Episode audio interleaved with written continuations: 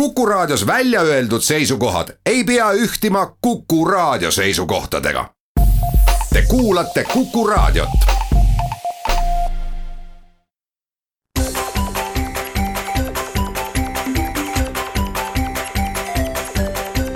maksumaksja koostöös Eesti Maksumaksjate Liiduga. tere päevast, eetris on saade Maksumaksja, mikrofoni ees on Lasse Lehis. eelmisel nädalal enne kui valitsus suure pauguga hakkas lõhki minema, jõuti eh, arutleda ühel intrigeerival maksuteemal, mis on tegelikult vana teema, pidevalt iga natukese aja tagant uuesti päevakorral, see on sotsiaalmaksu lagi. Eh, räägikski täna siis sellest, mis imeloom see lagi on ja miks teda ei ole siiamaani kehtestatud ja, ja miks teda oleks vaja äh, kehtestada.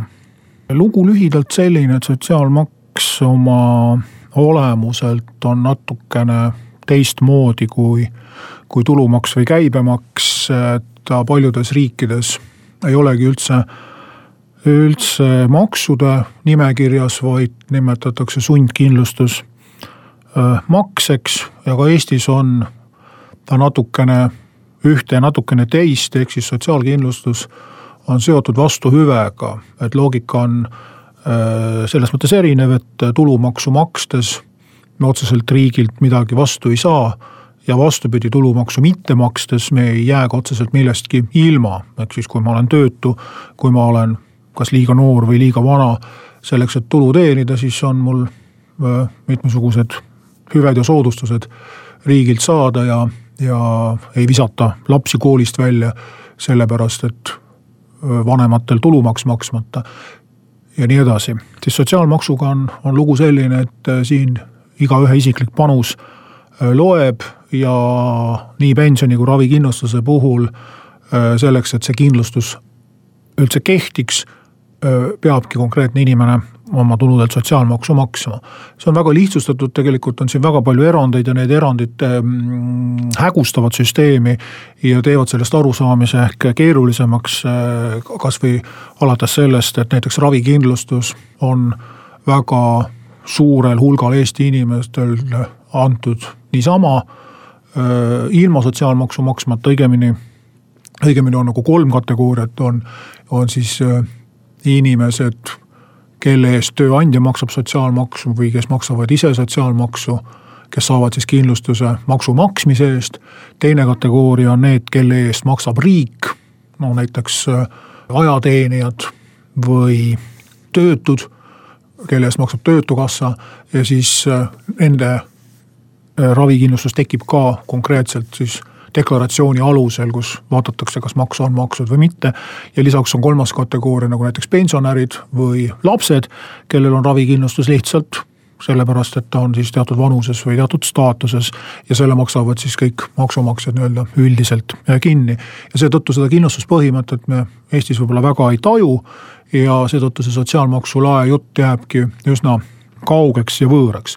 aga sotsiaalmaksu lae teema ongi seotud just selle kindlustuspõhimõttega et äh, teatud piiridest äh, muutub see ekvivalent äh, ebavõrdseks. et just, just pensionikindlustuse puhul nimelt on pensionil võrdne baasosa, on siis palgast sõltuv osa ja mm, teatud piirist alates lihtsalt see makstud sotsiaalmaks, kui ta on siin kümneid kordi keskmisest suurem, ei anna kümme korda suuremat pensioni. ja ka ravikindlustuse puhul, noh, siin on see sissetulekuga seos äh, veelgi väiksem, kui me räägime ravikuludest. Äh, ravikindlustuse hüvitisi on ju kahte sorti, on rahaline hüvitis, mis arvutatakse eelmise aasta palga alusel ja on raviteenus. et see, kui kallid raviprotseduure on vaja, ei sõltu ju üldjuhul üldsegi sellest, kui suur on inimese sissetulek. ja seetõttu ka, kui me räägime siin miinimum- ja maksimumkohustustest, siis välisriikide praktika ütleb ka seda, et ähm, tavaliselt ongi seal pensionikindlustus ja ravikindlustus lahku löödud. meie Eestis oleme võib-olla üks väheseid riike, kus ta koos on. ja kui nad on lahku löödud nagu erinevate maksetena, siis on ka need ähm, erandid erinevad ja on need miinimumid ja maksimumid erinevad ja nii võib ka Eestis minna, meenutades eh, kahe tuhande üheteistkümnenda aasta koalitsioonilepingut, kus lubati, et aastal kaks tuhat neliteist ongi Eestis sotsiaalmaksu lagi neli tuhat eurot ületavatelt töötasudelt, aga ainult pensioni osas, ehk siis ainult kahekümne protsendilisest sotsiaalmaksust oleks vabastatud kolmteist protsenti. ravikindlustuse osa oleks alles jäänud. Ka sellest ei tulnud midagi välja. otsustaval hetkel leiti, et raha ei ole, valimised tulemas ja kõrgepalgalistele, väikesele grupile kõrge, kõrgepalgalistele soodustuse andmine vahetult enne valimisi tundus tookord poliitikutele mitte just äh, väga atraktiivne seda huvitavam on, et miks just praegu siis samamoodi enne valimisi äh, seda lubada, kui selle lubaduse puhul äh, lähtuda, et seda tõesti ausalt lubatakse, et kehtestamegi sotsiaalmaksu lae, riigil sotsiaalmaksu jääb vähem äh, kätte ja kõrgepalgalised töökohad võidavad ja midagi vastu ei võeta, teiselt poolt siis kõrgemate maksudega või uute maksude kehtestamisega. seda enam ma suhtungi skeptiliselt sellesse, kui Keskerakonna äh, juht teatab, et, et nüüd hakkab Keskerakond toetama sotsiaalmaksu lage. Äh, siis äh, tuletakski meelde, et Keskerakond on ju see erakond, kes on aastakümneid juba võib öelda propageerinud astmelist tulumaksu ja selles mõttes muidugi sobituvad need ettepanekud kokku, et kui tõepoolest Keskerakond äh, saab sellise positsiooni uues valitsuses, et astmeline tulumaks tuleb päevakorda, siis selle, kui kõrgepalgalised kaotavad kindlasti rohkem kõrgema tulumaksu näol, kui nad sotsiaalmaksu laest võidaksid, et see oleks siis lihtsalt väike nii-öelda tagasilõige sellele maksutõusule mis astmeline tulumaks endaga kaasa tooks. või mis iganes muud muudatused, olgu see siis äh, dividendide maksustamine sotsiaalmaksuga, on ju ka ettepanekuid siin olnud. et äh, sotsiaalmaks üldse ära kaotada ja teha äh, tulumaks suuremaks või tulumaksupõhiselt hakata ka sotsiaalkindlustust finantseerima, mis tähendaks siis maksuobjekti laiendamist, et ka need tulud, aktsiate müük, korterite üürimine, kinnisvaratehingud, dividenditulu läheks ikka edaspidi kõrgema maksu alla, et äh, on, äh, on ka sellise ettepaneku propageerijaid, seetõttu tulekski väga tõsiselt äh, uurida tausta, et mida täpselt mõtlevad need, kes sotsiaalmaksu lage järsku on toetama hakanud. Et kui siirad nende kavatsused tegelikult on. aga sotsiaalmaksu puhul ei ole mitte ainult ülempiir probleem, vaid kohe me räägime ka alumisest otsast ehk niinimetatud kuumäärast või lävendist alampiirist, mis on tegelikult reaalselt äh, täna praktiliselt, praktilises elus tööandjatele palju suurem probleem kui sotsiaalmaksu lagi.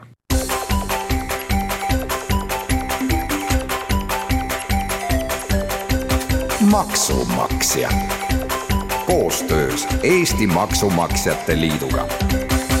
saade Maksumaksja räägib täna sotsiaalmaksu laest, õigemini äh, lae kehtestamise ettepanekust sai juba räägitud, äh, aga lisaks nagu igal toal on lagi ja põrand, on ka sotsiaalmaksul siis eh, maksimumkohustus, õigemini maksimumkohustust ei ole, aga, aga võiks olla. Sotsiaalmaksu olemusest tulenevalt, on ka probleemiks miinimumkohustus ja miinimumkohustus tuleb täpselt samast loogikast, et eh, on nii-öelda kindlustuspõhimõte, et väga väikeste palkade puhul, kui inimene teenib vähem kui miinimumpalk, eh, siis tema panus sotsiaalkindlustussüsteemi on, on, on liiga väike võrreldes sellega, mis tal on võimalik sealt vastu saada. et ülempiiri puhul me räägime just sellest, et, et väga suurte palkade puhul antakse rohkem, kui vastu saadakse. et selles mõttes loogiliselt nad kuuluvad mõlemad nagu paari, paraku on jälle, nagu tihti juhtub, Eesti maksupoliitika valinud ainult ühe elemendi et siis ühtpidi kehtib üks põhimõte ja teistpidi kehtib teine põhimõte, lähtuvalt sellest siis, mis riigile rohkem raha sisse toob. ja miinimumkohustus äh, on seotud miinimumpalgaga, äh, täpsemalt eelmise aasta miinimumpalgaga, nii et äh, kui praegu on meil miinimumpalk viissada eurot kuus, siis sotsiaalmaksu miinimum on tegelikult nelisada seitsekümmend eurot ehk eelmise aasta miinimumpalk. Ehm, ja konkreetselt siis sotsiaalmaksu summa sellelt on kolmkümmend kolm protsenti neljasaja seitsmekümnest ehk sada viiskümmend viis eurot ja kümme senti. järgmisel aastal on siis kuumäär viissada eurot ja sotsiaalmaks sellelt sada kuuskümmend viis eurot. Kelle jaoks see on probleem? probleem on see kõigi nende jaoks, kellel on kehtiv töösuhe ja osaline tööaeg, sest osalise tööaja puhul on võimalik, et töötasu on väiksem kui miinimum. muud juhtumid, kui ütleme, siin on puhkusele minek või, või töökoha vahetus, need on seaduses reguleeritud siis seda kuumäära vähendatakse. on jah, tõesti juhtumeid, kus on nii-öelda palgata puhkusega tegemist või kus tööandja näiteks viivitab ähm, maksejõuetuse tõttu palkade väljamaksmisega. Äh, kus siis töötasu on küll arvestatud, ei ole välja makstud, siis ka selle uuest miinimumkohustust tuleb täita, need on sellised erandjuhtumid. et tüüpsituatsioon on, on, on mitmel kohal äh, väikese koormusega töötavad äh, valvurid, koristajad muud sellised äh, lihtsama ja odavama töö tegijad. ja keda siis äh, tööandjad väga ei taha tööle võtta. Äh, üks probleem on selles, et kui neid töökohti on mitu, siis peavad tööandjad omavahel tõendeid saatma, klapitama, et siis saaks mitme töökoha peale selle miinimumkohustuse kokku. see on seaduse tasandil küll lahendatud, aga praktikas ikkagi tekitab, tekitab probleeme, lihtsam on seda inimest mitte tööle võtta või tellida see koristusteenus hooldusfirmast või, või sundida see inimene näiteks füüsilisest isikust ettevõtjaks hakkama, mis ei pruugi jälle inimesele endale kasulik või, või soodus olla. ja üks võte, mida tööandjad rakendavad, on kasutada töövõtulepinguid või käsunduslepinguid. nimelt äh, siis see sotsiaalmaksu miinimumkohustus kehtib ainult töölepingu puhul. no samamoodi avalikus äh, teenistuses siis ametnike puhul. Äh, kui aga on tegemist kas juhatuse või nõukogu liikmega või tegemist on võlaõigusliku lepinguga, siis see miinimumkohustus ei kehti, aga sellisel juhul ei pruugi inimesel olla ka ravikindlustust, nimelt kehtib ka siis ravikindlustuse puhul erisus, et kui tööandjal on miinimumkohustus, siis on ka töötajal ravikindlustus olemas, sõltumata sellest, kas tööandja on äh, kohustust täitnud või mitte. kui tööandja jääb võlgu, siis tegeleb maksuamet temaga, inimene ei kannata kui on tegemist võlaõigusliku lepinguga, siis on just vastupidi. Haigekassa kontrollib, kas deklaratsioon on esitatud, kas selle deklaratsiooni alusel on tehtud väljamakse vähemalt nelisada seitsekümmend eurot, kui on tehtud ja on deklareeritud siis ravikindlustus kehtib, kui ei ole tehtud, ei ole deklareeritud või on deklareeritud vähem, siis ravikindlustus selle inimese puhul ei kehti. et tööandja jaoks on asi lihtsam, töötaja jaoks võib tähendada seda, et tuleb oma ravikulud ise kinni maksta. ja ei ole ka võimalust äh, näiteks seda sotsiaalmaksu vahe ise kompenseerida. noh, näiteks on hädas olnud loovisikud, kes saavad honorare kord ühest kohast, kord teisest kohast Äh, ei saa iga kuu, saavad ebaregulaarselt kord aastas näiteks, siis äh, noh, arsti juures ainult kord aastas käia võib-olla ei ole ka hea hea soovitus nende puhul. nii et siin on ähm, ettepanekuid siis äh, alates sellest, et kuumäär kaotada, et just soodustada siis ka madalapalgaliste töökohtade loomist, et inimesed, kes on praegu töötud, aga täishõivet ei taha või, või, või ei suuda saavutada, pakkuda neile siis mingeid äh, vahepealseid variante, et nad töise eluga ära harjuksid. ja loomulikult vahepealseid variante, seda kuumäära vähendada, teha seal rohkem erandeid. Mm, mõned erandid ju on, on ju pensionäridel erand, on õpilastele, üliõpilastele, on väikeste laste vanematele erandid, kus see kuumäär ei kehti. On siin räägitud sellest, et Eestis töötavad välismaalased võiksid sotsiaalmaksust olla vabastatud, eriti kui neil on nagunii selleks, et Eestis tööluba saada, vaja ise kas reisikindlustus või eraravikindlustus osta, siis on neil põhimõtteliselt topeltkindlustus. teine asi on see, et kui see välismaalane siin mõned kuud töötab, siis tal ei ole selle staažiga suurt midagi peale hakata, ta nagunii midagi meilt ei küsi. ja, ja kui küsikski, siis talle neid, neid väljamakseid lihtsalt ei tehtaks, kuna noh, keegi ei saa kolm kuud töötades äh, mingit õigust äh, pensioni või, või töötuskindlustushüvitisi äh, saada, et see raha läheb nagunii teistele ümber jagamiseks. ja üks praktiline muudatus seoses FIE-dega, füüsilisest isikust ettevõtjate puhul esiteks on olemas sotsiaalmaksu lagi, seda sotsiaalmaksu lage vähendati. ennem oli ta viisteist miinimumpalka, nüüd kümme miinimumpalka, mm, siis ka kuu kohta, noh aasta arvestuses FIE-d maksavad, nii et see tuleb kaheteistkümnega korrutada.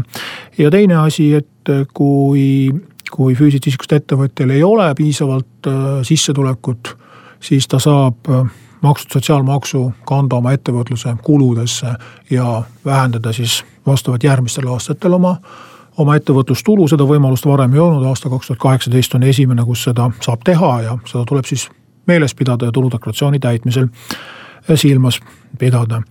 ja FIE puhul kehtib sotsiaalmaksu miinimumkohustus täpselt samamoodi ja samas summas nagu töötajate puhul, ainult et ta maksab ise kord kvartalis avansilise maksena ja aastadeklaratsioonis siis äh, arvutatakse seesama summa äh, lõplikult välja. siin on ka äh, mõned väiksed muudatused, nimelt kui ettevõtja kas siis alustas tegevust, lõpetas tegevust aasta keskel, oli, oli haiguslehel või läks näiteks pensionile, siis varem arvutati tema miinimum sotsiaalmaksukohustus kuu täpsusega. nüüd arvutiajastul kahekümne esimesel sajandil lõpuks on jõudnud nii kaugele, et arvutatakse päeva täpsusega alates aastast kaks tuhat kaheksateist. sellised uudised siis seoses sotsiaalmaksu miinimumi ja maksimumiga. Jälgime huviga, milliseid häid mõtteid poliitikutele veel tuleb, kui kired seoses äh, rahvusvaheliste migratsiooniprobleemidega äh, on üle läinud, äh, siis uute teemadega kohtume taas uuel nädalal.